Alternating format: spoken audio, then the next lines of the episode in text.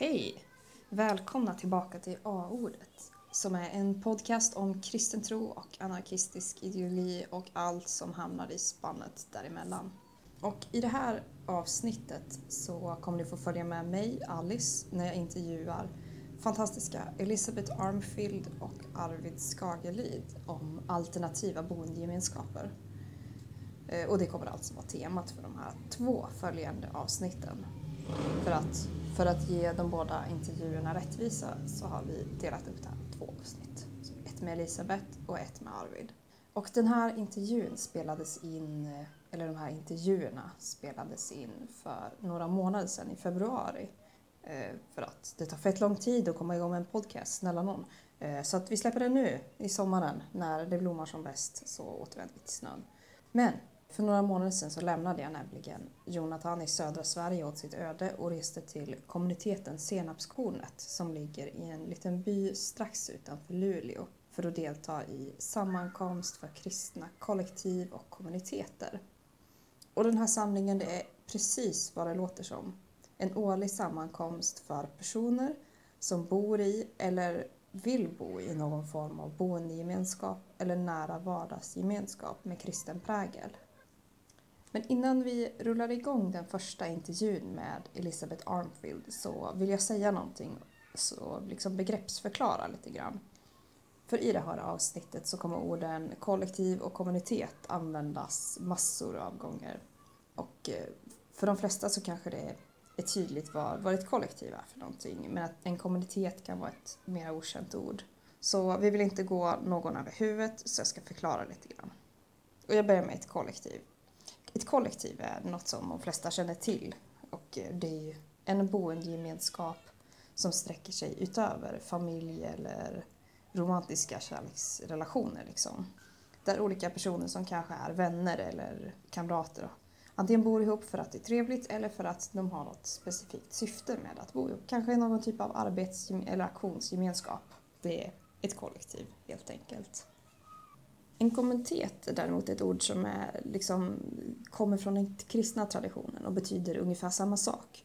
För att i en kommunitet så bor också personer tillsammans som vare sig är släkt med varandra eller behöver ha någon typ av romantiska relationer med varandra. Utan som bor ihop av fri vilja av olika anledningar.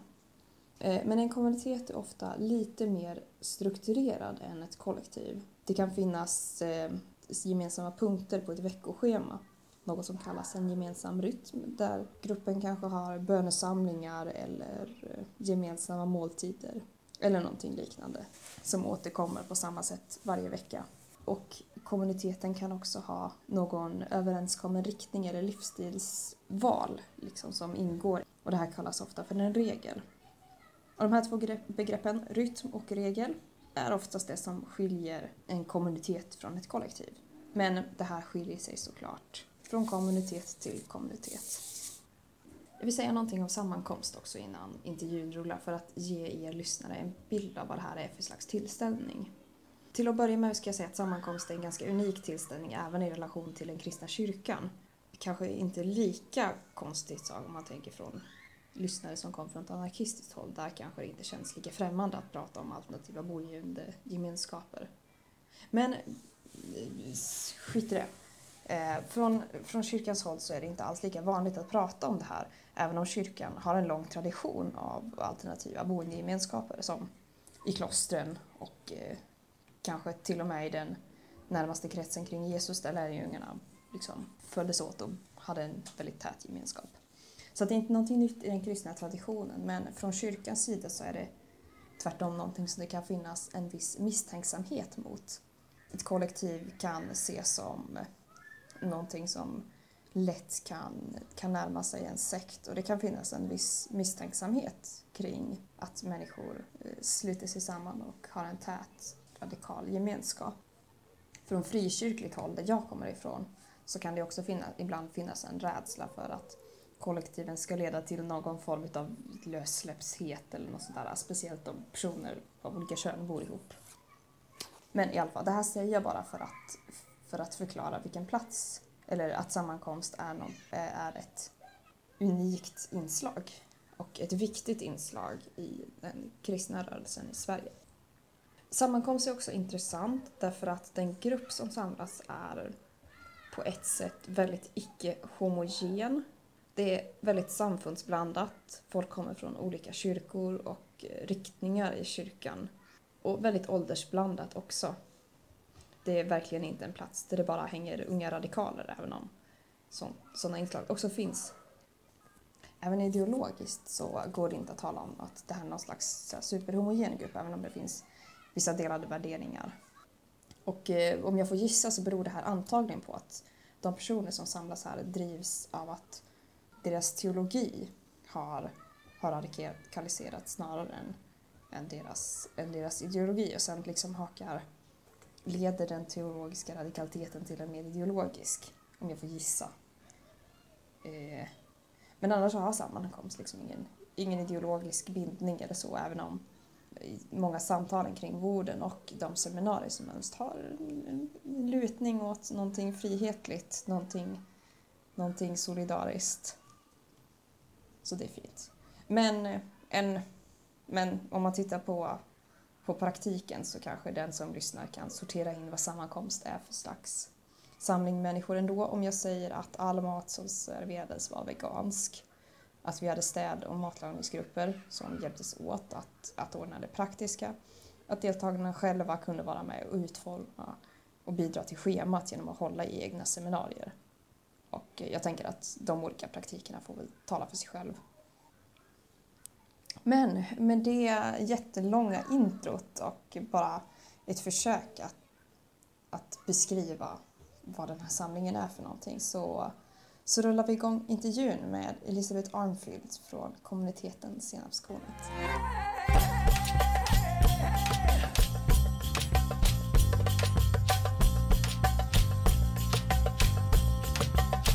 Hej och välkomna till podden A-ordet.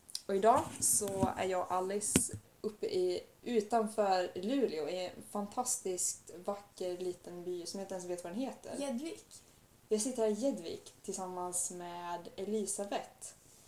Och eh, vi båda är på sammankomst. Men sammankomst är alltså en, en samling för mm, kristna kollektiv och kommuniteter. Mm.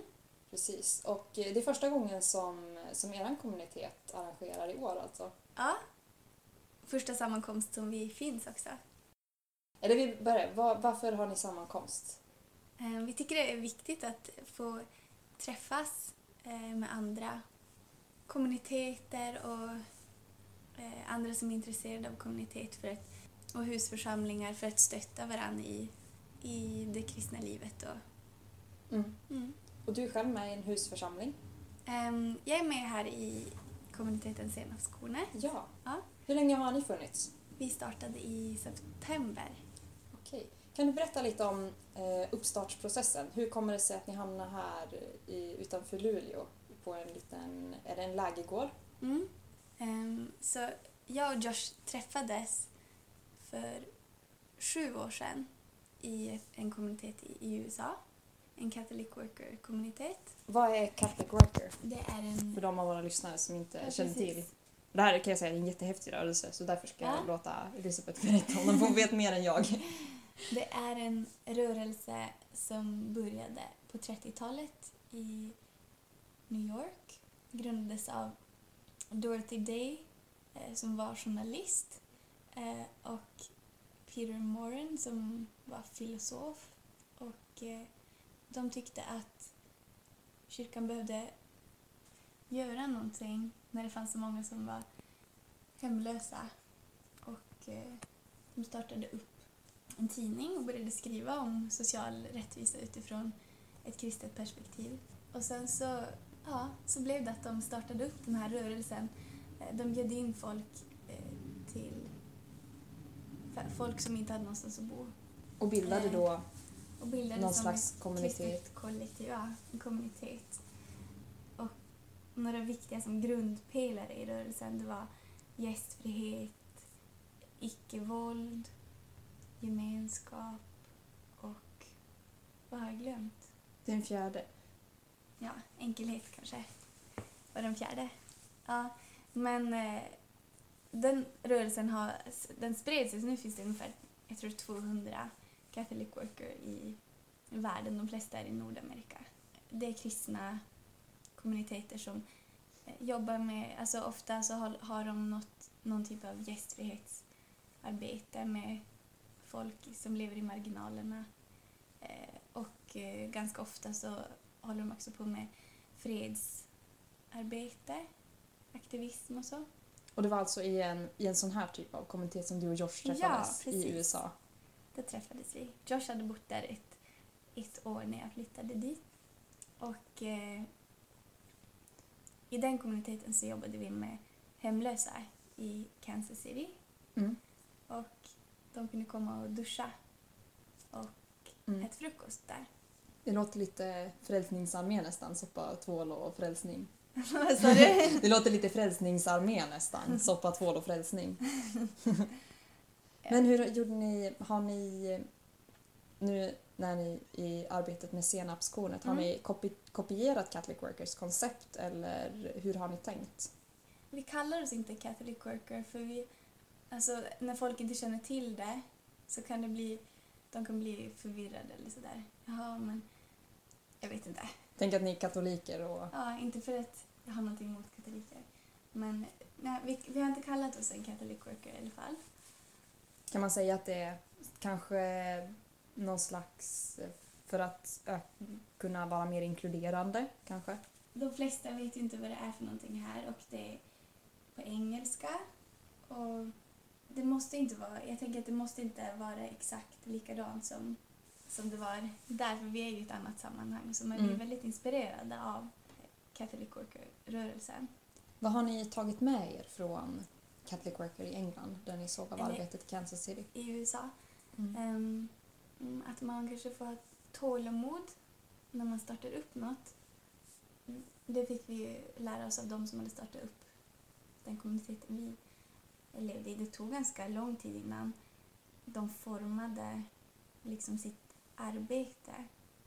För de, de tog en sak i taget och tänkte det är okej att man inte har alla bitar på plats på en gång utan det får organiskt liksom ta Men form. det låter, det låter ganska rimligt. Jag kan tänka mig Mm. att så här, ibland så har jag ganska så här, Mm. utopiska drömmar om Mm. hur jag skulle vilja leva i någon typ av eh, stor familjs Mm. eh, gemenskap på landet. Lite liknande som, som det ser ut här på, på senapskornet. Mm. tittar ut och det, det är små hus och det är eh, stora ytor och det är någon så här vinbärsbuskar och sånt. Mm. Men jag kan tänka mig att det är, det är lätt att ta sig vatten över huvudet i början av processen. Ja, jag tror det. Så vi har försökt. Alltså det är svårt när man är ivrig så här och har mycket tankar och vilja kring vad man önskar. Men man får ja, försöka att ändå ta det lite lugnt så att man Mm. inte gö- gör för mycket på en gång. Så. Också så vill vi ifall det kommer fler hit som vill vara med att de också ska kunna, ja men att inte vi liksom har, det är inget helt färdigt koncept Mm. heller utan det kan också få formas av vem som bor. Mer som en deltagarkultur kanske. Mm. Så men vi har ju också en grund för vad, ja, en grundvision men vi har försökt att den inte ska vara alltså så detaljerad så att det måste ju finnas utrymme för kreativitet. Om man, om man, för den som vill läsa den här visionen, Mm. vart, vart går den att hitta? Har ni en hemsida eller? Vi har faktiskt ingen hemsida. Och så Men vi har, en, den. vi har en Facebook-sida. Ni kanske har det? Ja, Mm. man gillar er på Facebook om man vill veta fler saker. Ja, jag tror Fint. att man bara söker på kommuniteten Senapskornet. Precis. Och var, varför heter ni Senapskornet? Ja, det är Nu. från Lukas evangeliet 13. Det är ju en bild av Guds rike. Det växer och blir till ett träd och himlens fåglar bygger bland grenarna. Det är det, det minsta fröet, säger de. Jag tänker att det är en bra bild av Guds rike, att det liksom får växa från marken. Underifrån liksom. Ett gräsrotsperspektiv. Ja, precis. I, Ja. eh, I den här podden A-ordet så Mm. försöker vi ofta att göra spaningar och försöka identifiera praktiker som är inspirerade av en anarkistisk tradition Mm. och se hur de kanske dyker upp eh, på platser som kanske inte säger att ja, men det här är en anarkistisk praktik men att det ändå Mm. liksom har kopplingar. Mm. Eh, och eh, både i namnet Senapskornet som liksom Mm. tar utgångspunkt ur ett gräsrotsperspektiv så Mm. det känns som att det finns frihetliga praktiker och kanske, eller i Work, det, det Mm. finns i och med Dorothy Day. Dorothy Day kallade Mm. sig också anarkist Mm. när hon skrev och jobbade. Mm. Men eh, finns det spår av det här i Senapskornet? Jag höll på att glömma Ja. vad det heter. Ja. Alltså vi kallas väl inte, vi har väl inte skrivit någonstans att vi är en anarkistisk kommunitet men jag tänker att, ja men precis som du säger, Catholic Worker har ju en tradition av, av det. Och eh, att det är viktigt att ifrågasätta strukturer som är destruktiva. Alltså som Mm. nu exempelvis så, så lever vi nära eh, F21 som är en militär bas. Är det Mm. NATO-bas eller?